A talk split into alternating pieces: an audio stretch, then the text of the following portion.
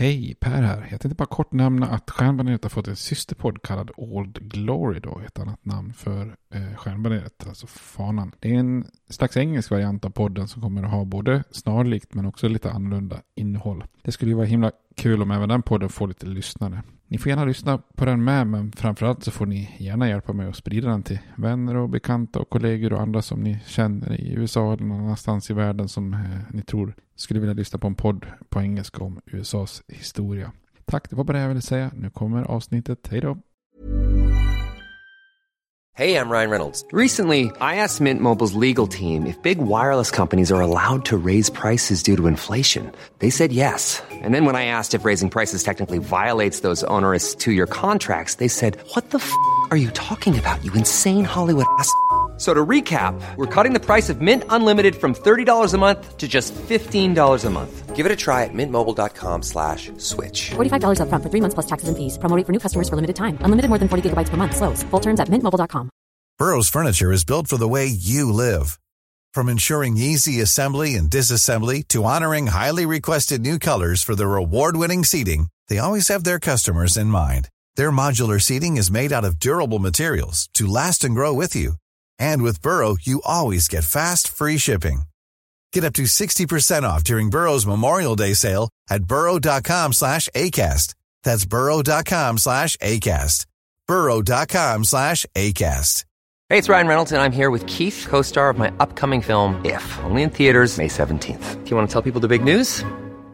All right, I'll do. Sign up now and you'll get unlimited for $15 a month and six months of Paramount Plus Essential Plan on us. Mintmobile.com slash switch. Upfront payment of $45 equivalent to $15 per month. Unlimited over 40 gigabytes per month. Face lower speeds. Videos at 480p. Active Mint customers by 531.24 get six months of Paramount Plus Essential Plan. Auto renews after six months. Offer ends May 31st, 2024. Separate Paramount Plus registration required. Terms and conditions apply if rated PG.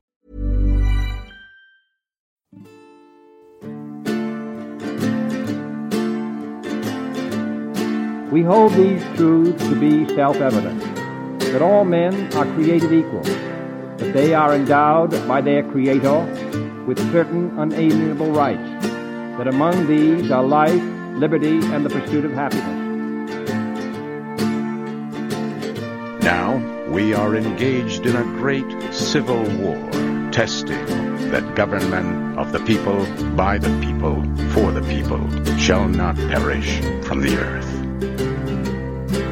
And so, my fellow Americans, ask not what your country can do for you, ask what you can do for your country. I have a dream my four little children will one day live in a nation where they will not be judged by the color of their skin, but by the content of their character. Mr. Gorbachev, tear down this wall. I did not have sexual relations with that woman, Miss Lewinsky. Hej och välkommen till Stjärnbaneret, en podcast om USAs historia med mig Per Fjärdingby. Där vi fortsätter serien om de politiska partiernas historia. Och senast så kollade vi på det andra partisystemet då. det som börjar som eh, demokrater mot WIG-partiet. Men sen då det varit ett långt avsnitt i och med att det är ganska mycket turer då kring just partierna. Där olika tredje partier uppstår och när WIG-partiet går i graven tillsammans med att Demokraterna splittras så blir, uppstår det en väldigt kaotisk situation och vi pratar om både Liberty Party, Free Soil, American Party och så vidare. Vi pratar om nationella republikaner och vi pratar om eh, antifrimurer och så vidare. Så att det finns ju många tredje partier under den här perioden. Det, det, det är ju inte riktigt som det är sen då med, med demokrater och republikaner.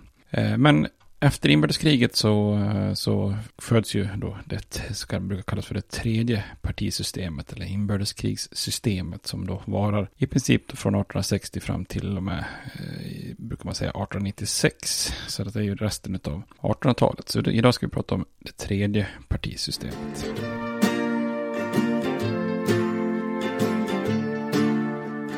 Med start alltså då vid inbördeskriget så går vi alltså in i det tredje partisystemet och, och partierna är ju då de här klassiska som vi har än idag då, demokrater och republikaner. Sen ska vi ju se här hur det är ju så att de formas om hela tiden. Eh, de här två partierna anpassar sig och är ju i grunden inte riktigt de samma partierna idag som då. Eh, och det här skiftar över olika perioder, vem som stödjer partierna och vilka typer av frågor de driver och vilken ideologi, ideologi som ligger bakom då så att säga. Men de överlever så att säga utifrån sina ursprungliga namn, demokrater och republikaner. Och i mer än 150 år så har ju de här två partierna turats om om att ha en president i Vita huset eller majoriteter i kongressens två kammare. Det är ju inget annat parti som har lyckats bryta igenom, även om vi kommer att se att det finns en hel del inflytelserika tredjepartier som, som ändå påverkar det politiska spelet, så att säga.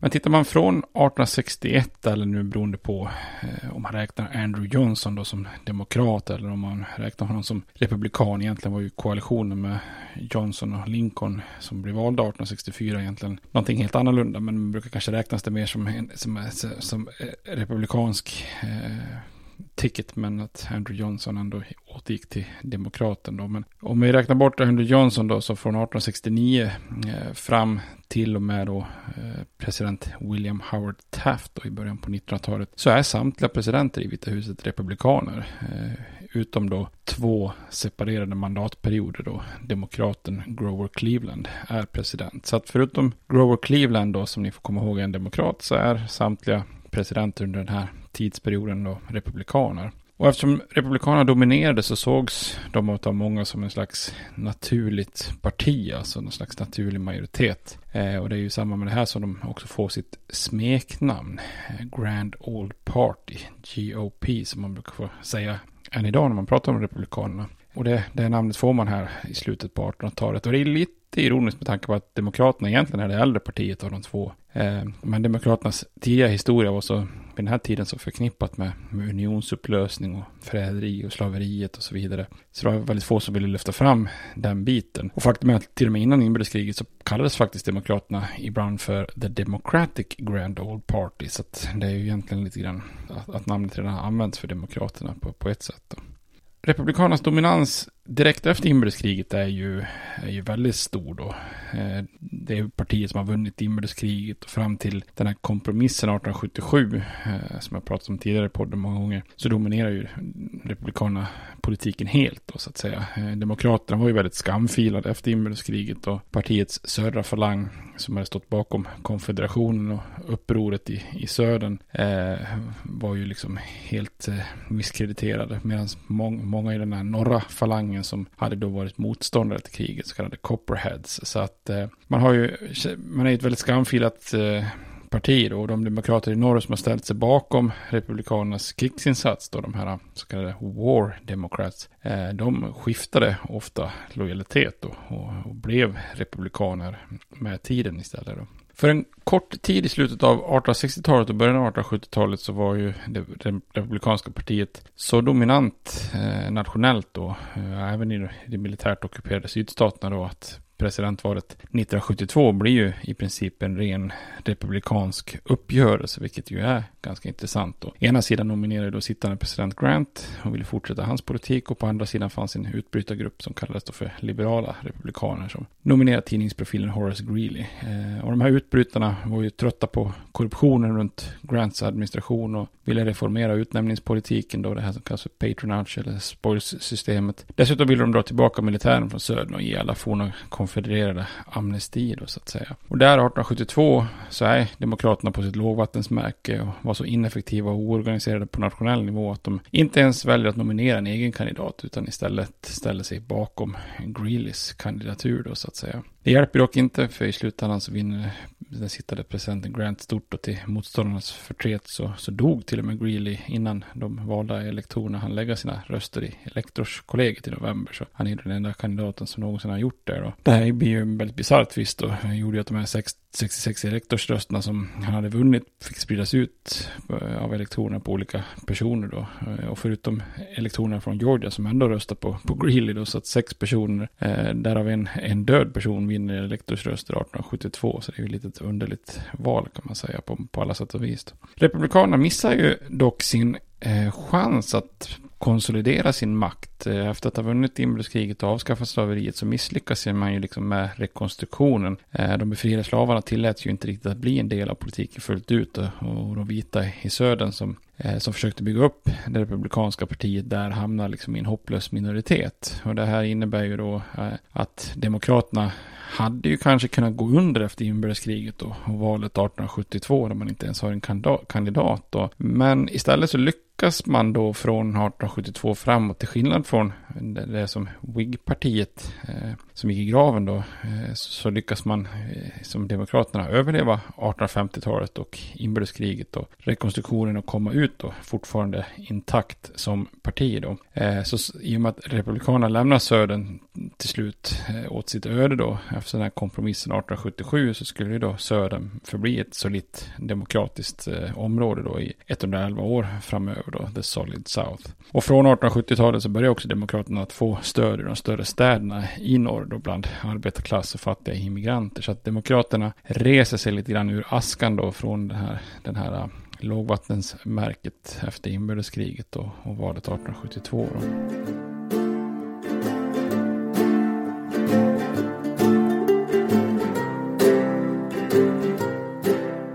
Med då en period från, man räknar 1861 till 1913 med bara republikanska presidenter, förutom Clevelands lilla instick, så är det ju lätt att tro att republikanerna helt dominerar det politiska landskapet eh, efter rekonstruktionen. Men republikanernas höga tull och valutapolitik och gynnande av big business som man har gått över till den här tiden skapar motstånd som, som liksom kan mobilisera eh, demokraterna och, och göra att partiet kommer tillbaks med en comeback då. Och det är ju så att den här perioden, eh, 1876 då till 1896, eh, som kallade, den kallade Gilded Age, den förgyllda eran, är ju en tid där det är extremt jämnt mellan partierna. Eh, valen avgörs oftast på målsnöret och några tusen röster hit och dit kan avgöra hela presidentval. Och partierna är väldigt starka och dominerar politiken mer än någonsin innan då. Eh, och under de här jämna åren så vann ju Republikanerna tre av fem presidentval med då instick av Grover Cleveland två gånger Eh, separerade, två mandatperioder separerade från varandra. Då. Och ingen av presidenterna under den här tiden brukar beskrivas som någon stark president som ger avtryck i historien. Eh, så den politiska instans som helt dominerar den här eran är ju är just kongressen. Och där blir ju den partipolitiken liksom lite mer i fokus då. Så generellt under den här eran så kontrollerade republikanerna senaten medan demokraterna kontrollerar representanthuset. Så att demokraterna har majoritet i representanthuset i 16 av 22 år och republikanerna har majoritet i senaten 18 av 22 år. Då. Eh, så det är väldigt sällan som en president har möjlighet att driva igenom politiken i kongressen eh, där liksom det, det egna partiet kontrollerar båda kammarna. Eh, utan här är det ju sån här så kallad divided government, vilket kan förklara kanske att man också sköt upp mycket viktiga frågor under den här förgyllda eran då. Det här tredje partisystemet då, eh, efter inbördeskrigseran, var ju geografiskt uppdelat på många sätt med, med ett tydligt arv från inbördeskriget. Eh, utifrån det geografiska perspektivet så liknar det egentligen eh, det andra och det tredje partisystemet varandra. Då, med ett parti som är starkt i söder och ett som är starkt i norr. Då. Och republikanerna de dominerar ju regionalt väldigt mycket i nordöst och i de norra delarna av delstaten New York och söderut om, söder om de stora sjöarna i det som kallas för mellanvästern då. Egentligen de klassiska nordstaterna soldaterna från, från inbördeskriget. Medan demokraterna dominerar då, ja, fullständigt i södern. Eh, men också i de större städerna med många immigranter. Och valen på, på de här platserna var ju i princip avgjorda redan liksom i, i teorin innan, innan det blir val. Då. Så den politiska konkurrensen mellan partierna finns ju eh, längst, längst i väst då, i de nya västra delstaterna. Och också i några befolkningsrika nyckelstater liksom i, i det mellersta USA. Då. Eh, så idag ska man säga swing states då. Men framförallt då New York och Ohio. Eh, är det, det är där många utav valen avgörs då. Och att gå till val utan en presidentkandidat från Ohio eller New York, det, det gjorde man helt enkelt inte. Eh, och det som ofta avgjorde var de här jämnare så kallade swing statesen som skulle kunna gå åt båda hållen. Ohio och New York då eh, har, har alltså åtta eh, presidenter mellan åren 1872 till 1908 kommer från en av de här två staterna, då, Ohio och New York. Så det förklarar ju en hel del. Det tredje partisystemet var också på många sätt ett arv från inbördeskriget. Den största anledningen till lojalitet till de båda partierna var ju det relativt färska minnet av kriget. Och, eh, Republikanerna fram, framförde sig som partiet som hade vunnit inbördeskriget och lyfte fram minnet av Abraham Lincoln som på många sätt blivit en slags martyr då eh, efter mordet. Eh, krigsveteraner från unionsarméerna var oerhört lojala republikaner och republikanska politiker och kandidater var ju då kända för att så att säga wave the bloody shirt, alltså vifta på den blodiga skjortan under kampanjmöten då. Och många gånger så viftar man faktiskt bokstavligt talat med en blodig unionsuniform i blått eh, och manade på veteranerna att rösta på samma sätt som de hade skjutit under kriget så att säga. Demokraterna i sin tur då var det starkast i de här forna konfedererade rebellstaterna där man dominerar fullständigt efter att man har återtagit makten där då efter 1877. Och även där viftade man med blodiga uniformer, bara det att de var grå istället för blå då. Man påminde väljarna att det var republikanerna som hade invaderat södern och ockuperat deras hemland och infört militärstyre på många sätt så var ju det här partisystemet i, i den sista tredjedelen av 1800-talet nästan lika polariserat som dagens situation där arvet från inbördeskriget gjorde avståndet väldigt stort mellan polerna och samarbeten över partigränserna svåra. Eh, Republikanerna förde ju under den här tiden eh, vidare på många sätt och arvet från både federalisterna och Whig-partiet med en bred vision om en aktiv federal makt som stöttade då ekonomisk utveckling och big business då med höga tullar för industri, strikt valutapolitik, eh, infrastrukturella satsningar på järnväg och expansion västerut med, med billig mark då via sådana här så kallade homesteads. Eh, Demokraternas sak, sakfrågor var ju oftast då en spegelbild mot, eh, mot Republikanernas då. Och eftersom partiet var starka i jordbruksområden i södern och västern så motsatte man sig höga tullar som gjorde konsumtionsvaror dyra, dyra att köpa då.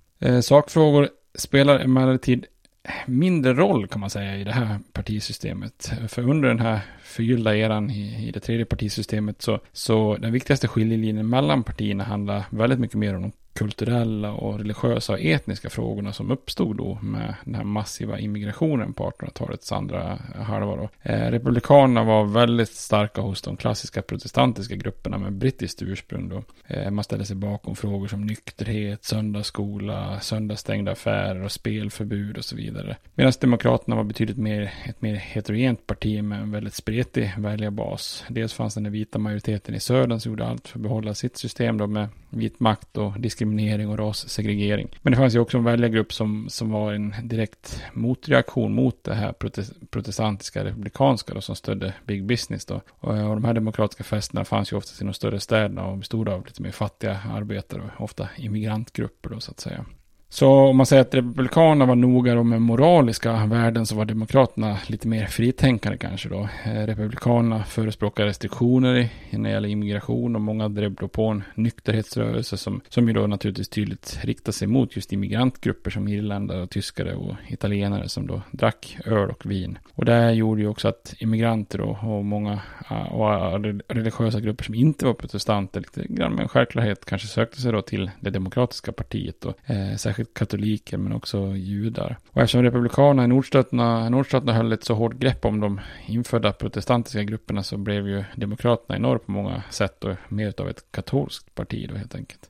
Partiidentiteten i det tredje partisystemet handlade eh, alltså ofta om arvet från inbördeskriget och sen då någon form av kulturell, moralisk eller religiös tillhörighet snarare än då en ekonomiska intressen och, och viktiga sakfrågor då. En demokrat beskrev det här ganska bra. Han menar att republikaner ville att man skulle gå i kyrkan på söndagar och en demokrat säger att om någon vill ta sig ett glas på söndagar så kan man göra det. Så att säga. Det var en sammanfattning av hela den eh, ideologiska skillnaden mellan partierna vid den här tiden då. Och mycket av den partilojaliteten som byggts upp upp eh, i det tredje partisystemet lever ju faktiskt kvar väldigt länge då. Södern och katolska kvarter i storstäderna, de förblir ju lojala med demokraterna i nästan hundra år då. Och afroamerikaner, alltså de i, i norr som kan rösta, förblir ju lojala med republikanerna i, i runt 70 år. Och än idag tenderar ju många vita protestanter i norr att, att fortsätta att rösta republikanskt då, så att säga.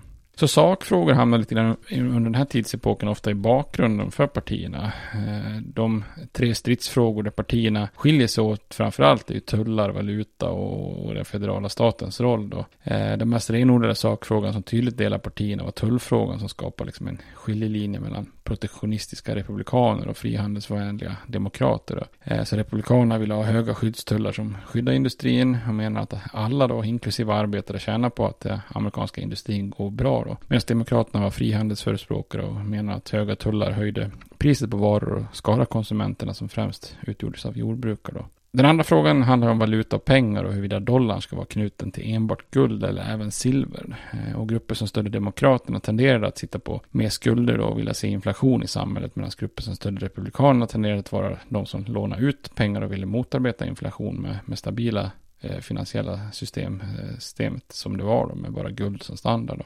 Och den tredje frågan som skiljer partierna åt är ju storleken och rollen för den federala staten då, där Republikanerna förespråkar statligt ingripande för att stimulera ekonomin, medan Demokraterna menar att den federala staten skulle hålla fingrarna ifrån ekonomin och, och låta den reglera sig själv då naturligt.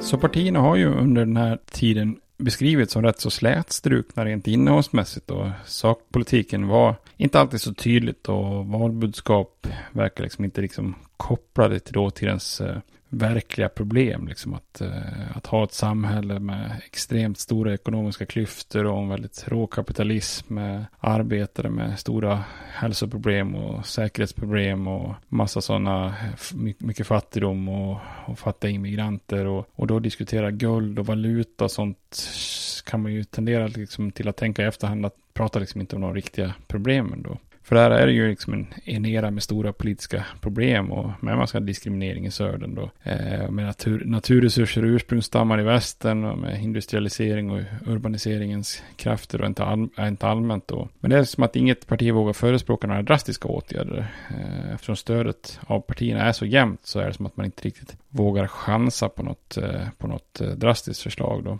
Sen eran har ju förundrat många, eh, trots att politikerna inte verkade liksom konfrontera riktiga frågor som social orättvisa och oreglerad ekonomi så verkar folk i största allmänhet ha ansett att politik var väldigt viktig och deltog i väldigt hög utsträckning. Då. Så det är en väldig paradox kan man säga och svaret ligger nog i att både politiker och väljare trodde att de faktiskt hanterar de viktigaste frågorna genom att försöka påverka tullar och valuta och så vidare. Då. Eh, så den här, faktum är att den här perioden då, den förgyllda eran 1876 till 1896 eh, är en tid då politiken är väldigt levande. Eh, partilojaliteten är extremt extremt hög och partierna är det politiska centrumet.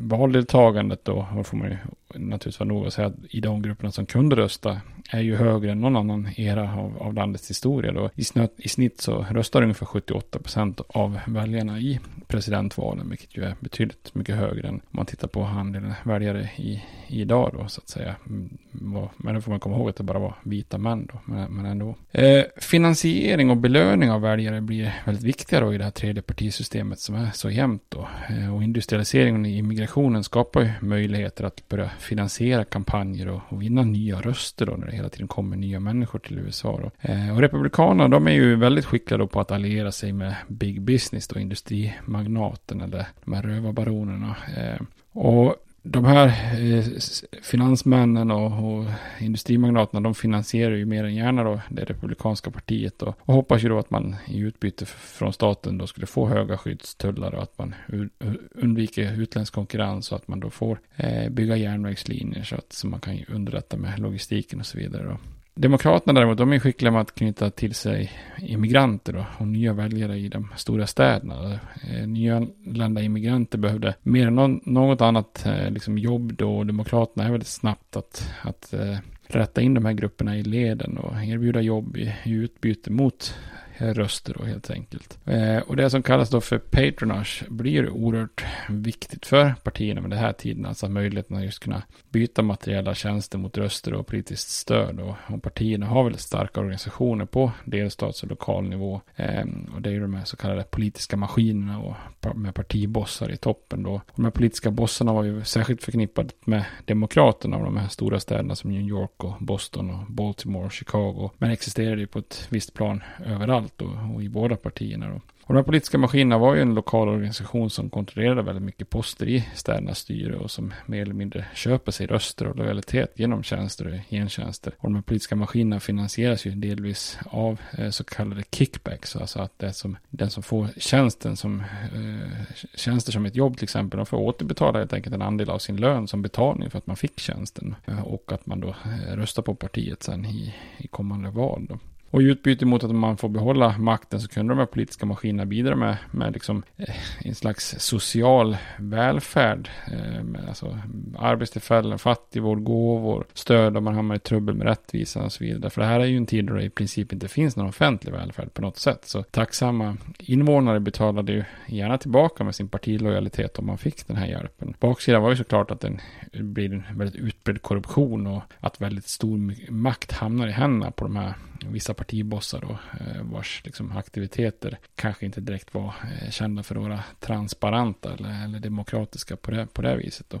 Eh, och de här politiska maskinerna var ju ofta starka då i städer på östkusten med, med just stor immigration. Eh, immigranter tas emot, hjälps in i samhället, fick snabbare medborgarskap, medborgarskap och så vidare. Och i utbyte så fick de här politiska maskinerna fler lojala väljare då.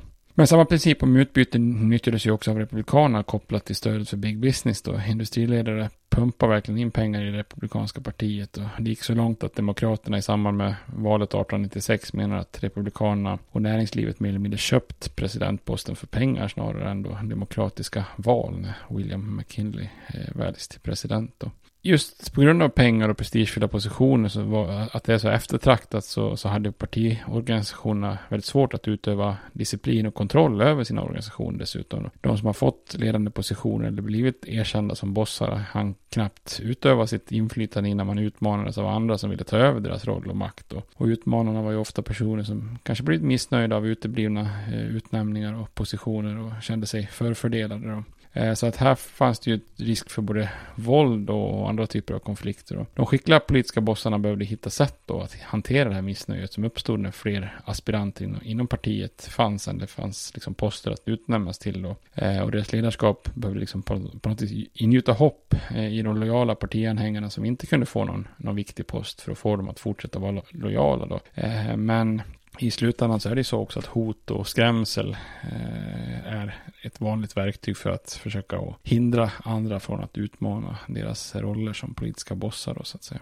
Resultatet blir ju då att partierna ofta stred nästan lika mycket, eh, om inte mer, nästan internt eh, om olika maktpositioner än, än, med varandra. Då. Så olika falanger i delstaterna och i städerna tävlar väldigt mycket om makt och positioner och, och genom att lyfta fram sina kandidater inom partiet. Och, och inte sällan kunde det andra partiet till exempel dra nytta av strider och passa på att vinna val då när det andra partiet var splittrat in, internt. Eh, då. Eh, så att det här ger ju liksom ett system där, där det är väldigt mycket inre stridigheter också. Då, så att säga.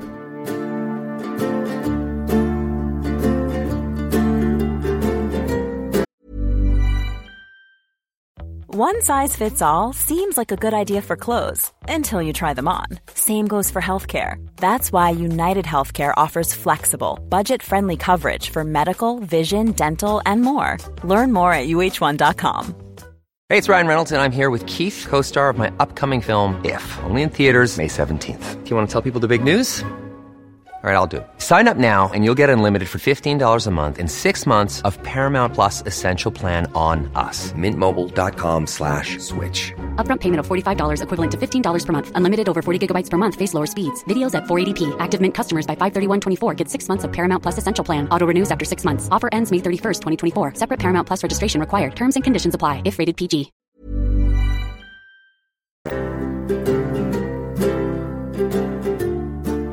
För Sammanfattar sammanfatta då det här tredje partisystemet så, så var det ju Republikanerna var ju partiet och för vita protestanter i, i norr som förespråkar nationella standarder och federal makt som slog ner på delstater som försökte hindra marknadskrafter eller före detta konfedererade stater som diskriminerade befriade slavar. Och de misslyckades ju på ett område och lyckas på ett annat. Eh, rekonstruktionen i södern var ju ett misslyckande. Där lämnas ju de afroamerikanska eh, personerna, befriade slavarna åt sitt öde. Men de lyckas ju återinföra guldstandard och en stabil valuta och skapa en expansiv expansiv industrialisering genom eh, ett renodlat kapitalistiskt system då, som skyddar egendomar och näringsliv, bland annat via domstolarna. Då. Och Demokraterna, de var ju partiet för det vita i södern och katolikerna i norr som förespråkade States rights, alltså starka, stark maktfördelning för delstaterna och regionalisering, eh, frihandel, eh, en liten inaktiv federal stat och en budget i balans. Då. Demokraterna, de accepterar ju både segregering i södern och salonerna eh, för katoliker i de stora städerna och, och det gör ju att man får de här grupperna bakom sig då. Tittar man lite grann som med vår tids standard så var egentligen både Republikanerna och Demokraterna under det tredje partisystemet egentligen två konservativa partier båda två då. Eh, Demokraterna med sitt arv då från Jeffersons ideologi förespråkar ju en liten federal stat och minimala federala ingripande för att reglera fria marknader medan Republikanerna var visserligen för en mer akt en aktiv federal stat och, och motståndare av states rights men samtidigt innebar ju deras variant av federala ingrepp snarare liksom stöd för big business och, och allt annat än några, det var inte tal om några försök att minska ekonomiska klyftor bland folk i, i stort då så att säga. Alltså det var ju inte ett liberalt parti på det viset bara för att man förespråkar federala ingripanden så att säga. Så här, båda partierna är ju i princip som en slags två stycken varianter av, av konservativa partier då. Och på en sån spelplan med två konservativa partier tryggt förankrade då i, i samhällets elit så fanns eh, utrymme då för ett tredje parti att driva frågor som med vår tids standard skulle kunna beskrivas lite mer som liberala då och göra ett försök att utmana de etablerade partierna. Och det parti som, som gör det i slutet av 1800-talet det är ju tredje parti som kallas för People's Party. Eh, alltså ja, folkparti om man ska översätta det då. Men som oftast i folkmun kallades för det populistiska partiet eller populisterna då. Populism är ju ett klurigt ord såklart. Alltså, alltså det finns ju en positiv sida, det här med att stärka folks makt och, och därmed går det liksom hand i hand med demokrati. Men populism har ju också en negativ sida där trenden är att det i praktiken handlar om att förenkla och dela upp saker i vi mot dem och folk mot elit och med förenklade lösningar på komplexa problem där sunt förnuft inte alltid är så särskilt sunt då så att säga. Eh, och det här populistiska partiet i USA vid den här tiden växte ju fram och hade sin bas framförallt i jordbruksregionerna i mellanvästern då, eh, västern och delar av södern då. De här jordbrukarna var ju då snarare vi och eliten i Washington var ju de då i deras uppdelning av vi och dem då. Ehm, urbana kapitalister och bankirer och industrimagnater är ju då den eh, elit som man är emot då. Och för populisterna så var ju eliten både demokraterna och republikanerna, både politiska bossar och näringslivet. Och, eh, och ofta såg man ju då silver som valuta som en slags enkel lösning på alla typer av problem. Då, så att det finns ju tydliga populistiska inslag i, i, i det här partiet. Så det är inte så konstigt att de kallas för populisterna då i People's Party.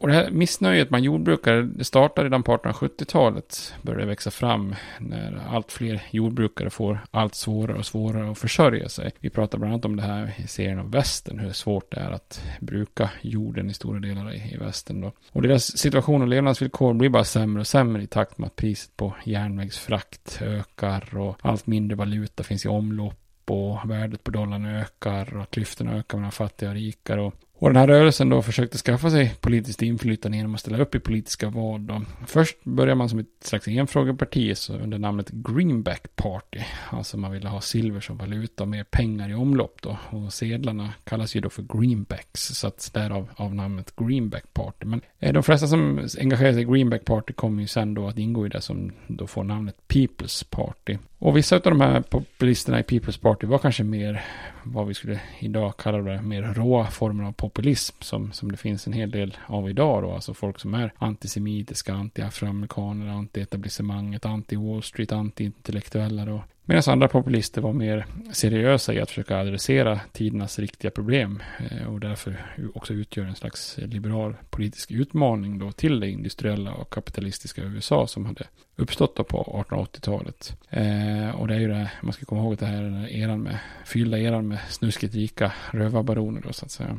Populisterna hade ju mest varit ett irritationsmoment för de etablerade partierna, men runt 1890 så, så, så ökar deras inflytande och de blir en kraft att verkligen räkna med som utmanar både demokrater och republikanerna. Eh, och på 1890-talet då är det ju alltså 30 år efter inbördeskriget avslutades, så mer än en tredjedel av alla väljare hade ju fötts efter inbördeskriget och hade liksom inga direkta minnen av kriget. Eh, de stora städerna hade upplevt stora våldsamma strejker och arbetarprotester eh, som slås ner med våld ålder. och det nya jordbruket ute på de här slätterna, Great Plains, hade ju börjat upplevt torka och missväxt. Och för många verkar det ju som om big business och de allt mer då överdrivet rika eh, industrimagnaterna kontrollerar allt, liksom både ekonomi och politik. Och det här var ju, får man påminna sig, liksom då, den här tiden för männen som Rockefeller och Carnegie. Och, och det här är också tiden innan de började ägna sig åt eh, filantropisk välgörenhet. Där de verkligen bara är i folks ögon då, sådana här rövarbaroner, rövarbaroner eller rånarbaroner. Partiets valplattform, då, eller partiprogram eh, 1892 då, alltså People's Parties eh, partiprogram eller valplattform, arbetar sig fram på ett möte i Omaha i Nebraska då, typiskt som jordbruksstat. Eh, och var ju för den här tiden extremt liberalt då. Eh, man krävde en valuta baserad på både silver och guld, det är ju själva grundfrågan på något vis då. Men man krävde också en graderad inkomstskatt, eh, en reform för statstjänstemän, folkvalda senatorer, hårdare reglerade privata banker, ett förstatligande av verksamheter som järnvägar och telegraf och telefonbolag. Då. Och den här kritiken mot det nationella bankväsendet som bildades under inbördeskriget var ju verkligen på många sätt som ett eko från Andrew Jacksons liksom, mer populistiska bankkrig på 1830-talet kan man säga. Och People's Party krävde också minskad immigration för att jobben skulle räcka till för amerikaner.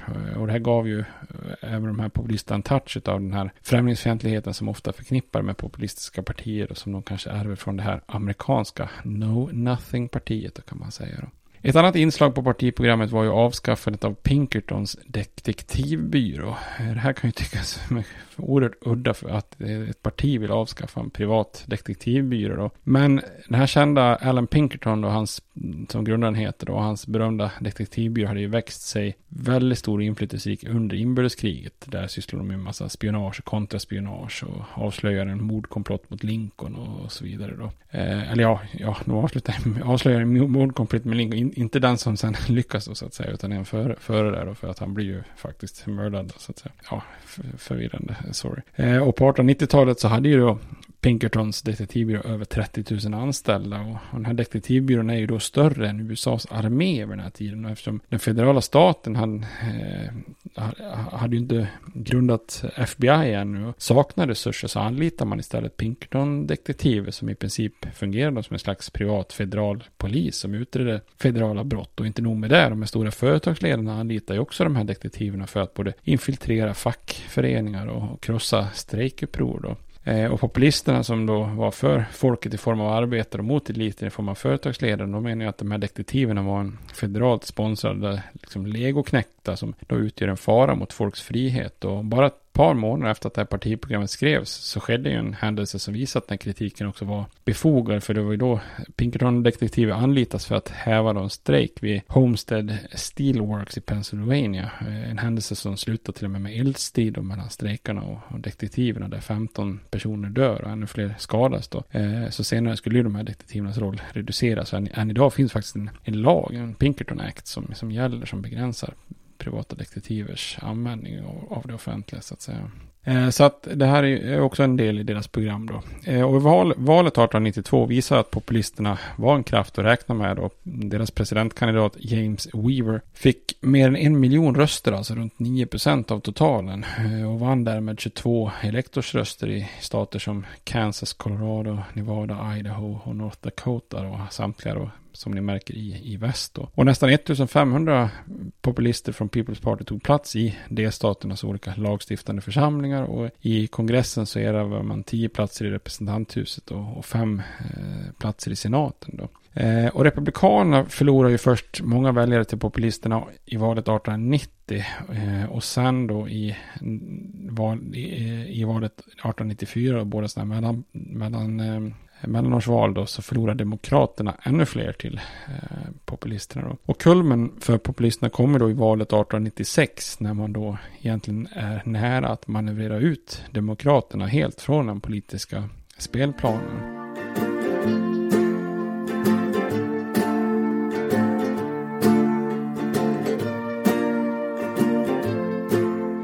Eh, så det här valet 1896 är ju väldigt viktigt och brukar ju då räknas som det definitiva slutet på det tredje partisystemet och början på det fjärde då. Eh, och Demokraterna är väldigt splittrade eh, och står ju liksom inför det här valet som ett ödesval 1896. Eh, Demokraterna hade länge varit förknippade med Grover, Grover Cleveland som hade vunnit valet 1884. Sen förlorade han fyra år senare, kom tillbaka och vann igen 1892 då. Men Cleveland han tillhör den här klassiska konservativa delen av det demokratiska partiet och ville ju ha en liten stat och få statliga regleringar. Och han vägrade att förespråka åtgärder som skulle kunna hjälpa de här utsatta jordbrukarna då.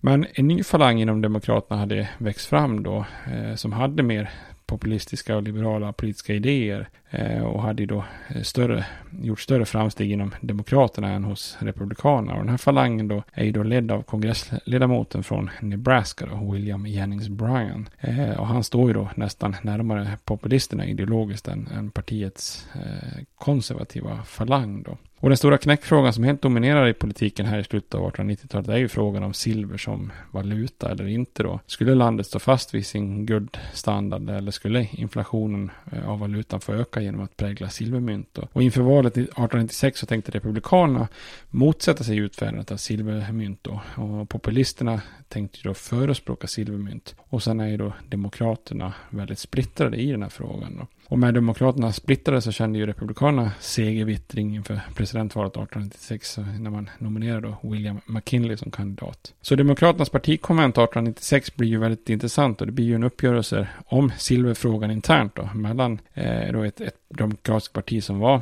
hopplöst splittrade mellan den liberala propopulistiska silverförespråkande falangen under, under Bryan och den mer konservativa antipopulistiska och silverförkastande falangen under Cleveland. Och det här är ju ett av de mest tumultartade demokratiska konventen någonsin, kanske delvis jämfört med konventet eh, 1968 som kommer kom komma till senare då. Men konservativa anhängare från öst som förespråkar guldstandarden såg ut att ha greppet om konventet ända fram till att William Jennings Bryan håller sitt eh, fantastiska tal och Cross of Gold-tal, ett av de mest berömda i USAs historia, när han avslutar med de där bevingade orden You shall not crucify mankind upon a cross of gold. Och Bryan nomineras då till Demokraternas pre presidentkandidat om man antar en valplattform som förespråkar silver som valuta då.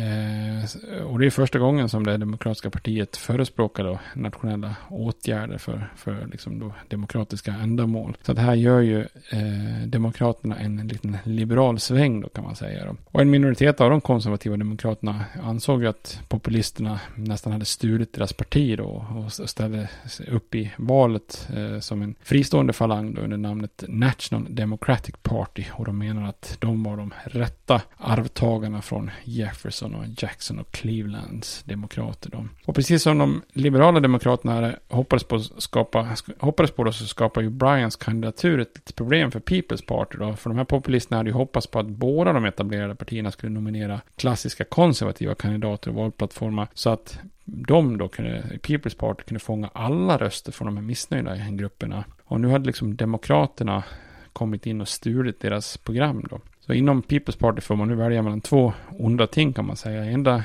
nominerade man en egen kandidat med samma program som Brian. Och, och, konkurrerar om samma väljare med en given då republikansk seger som följd. Eller så ställer man sig bakom Demokraterna, eh, Demokraternas Brian då, i ett försök att den vägen vinna i själva frågan om silver. Men med den givna följden att hela partiidentiteten offrades och partiet i värsta fall förintades då. I slutet ändan så valde man att det här med silver som valuta var viktigare än, än, än det egna parti, politiska partiet och så ställer man sig bakom Demokraterna och Brian då. Eh, det, det hjälper dock inte för William McKinley går segrande ur valet 1896 där faktiskt hela 82 procent av alla väljare som fick rösta och lägger sin röst i presidentvalet. Det är ju väldigt högt deltagande.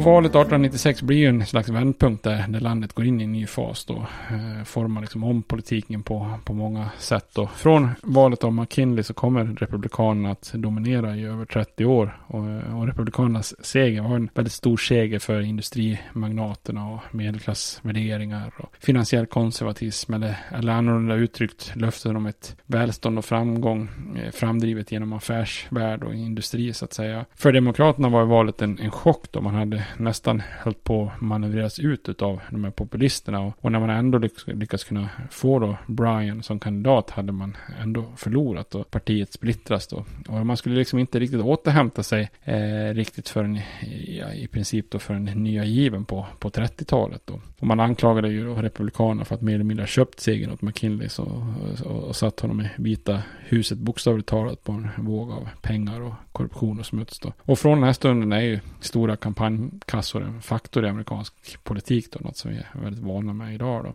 Och för det populistiska People's Party var ju valet en katastrof då man hade satsat allt på att gå samman med Demokraterna och, och hade förlorat då både valet och sin egen partiidentitet. Så på bara några månader så hade partiet i princip upplöst då. Ehm, så Brians kampanj var ju det sista försöket, försöket egentligen att vinna ett presidentval främst med jordbrukare som väljarbas. Det är ju inget av partierna som, som försöker göra om den manövern att bara ha jordbrukare som väljarbas då. Så valet 1896 är ju intressant på, på, på många sätt. Då hade Demokraternas konservativa falang dominerat partiet och People's Party lyckats bredda sitt stöd till en bredare grupp av missnöjda och missgynnade i samhället så hade man ju eventuellt kunnat manövrera ut Demokraterna och blivit USAs motsvarighet till ett liberalt parti som, som stått mot de konservativa republikanerna och då hade kanske, precis som republikanerna tidigare ersatt Whig-partiet så hade ju då eventuellt det här People's Party kunnat ersatt Demokraterna i det här läget då.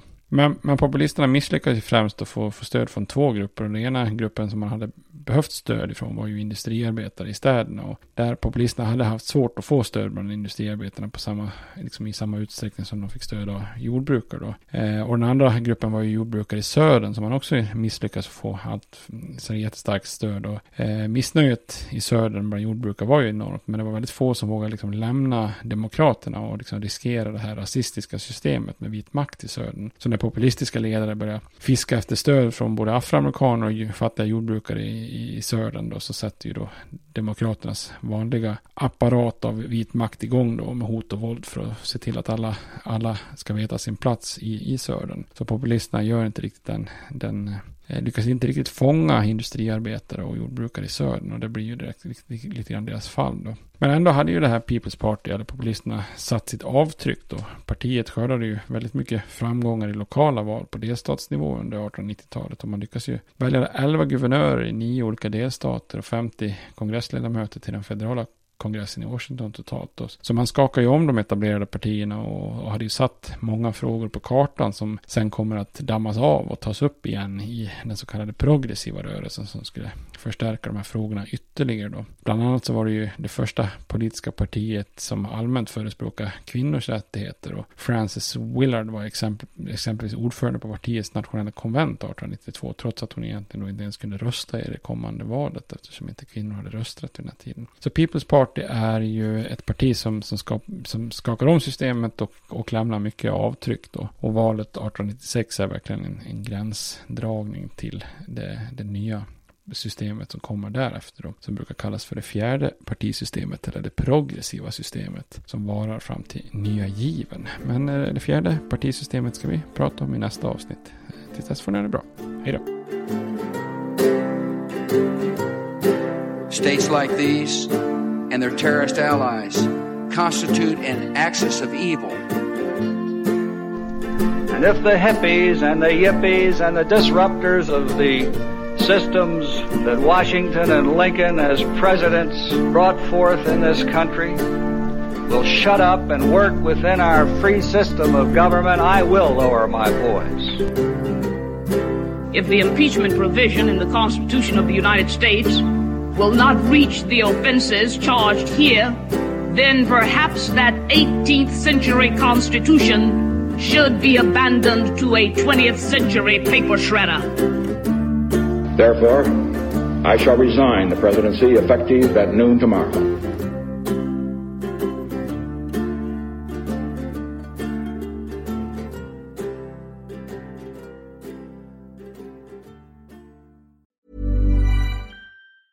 Planning for your next trip? Elevate your travel style with Quince. Quince has all the jet setting essentials you'll want for your next getaway, like European linen, premium luggage options, buttery soft Italian leather bags, and so much more and is all priced at 50 to 80% less than similar brands. Plus, Quince only works with factories that use safe and ethical manufacturing practices. Pack your bags with high-quality essentials you'll be wearing for vacations to come with Quince. Go to quince.com/pack for free shipping and 365-day returns.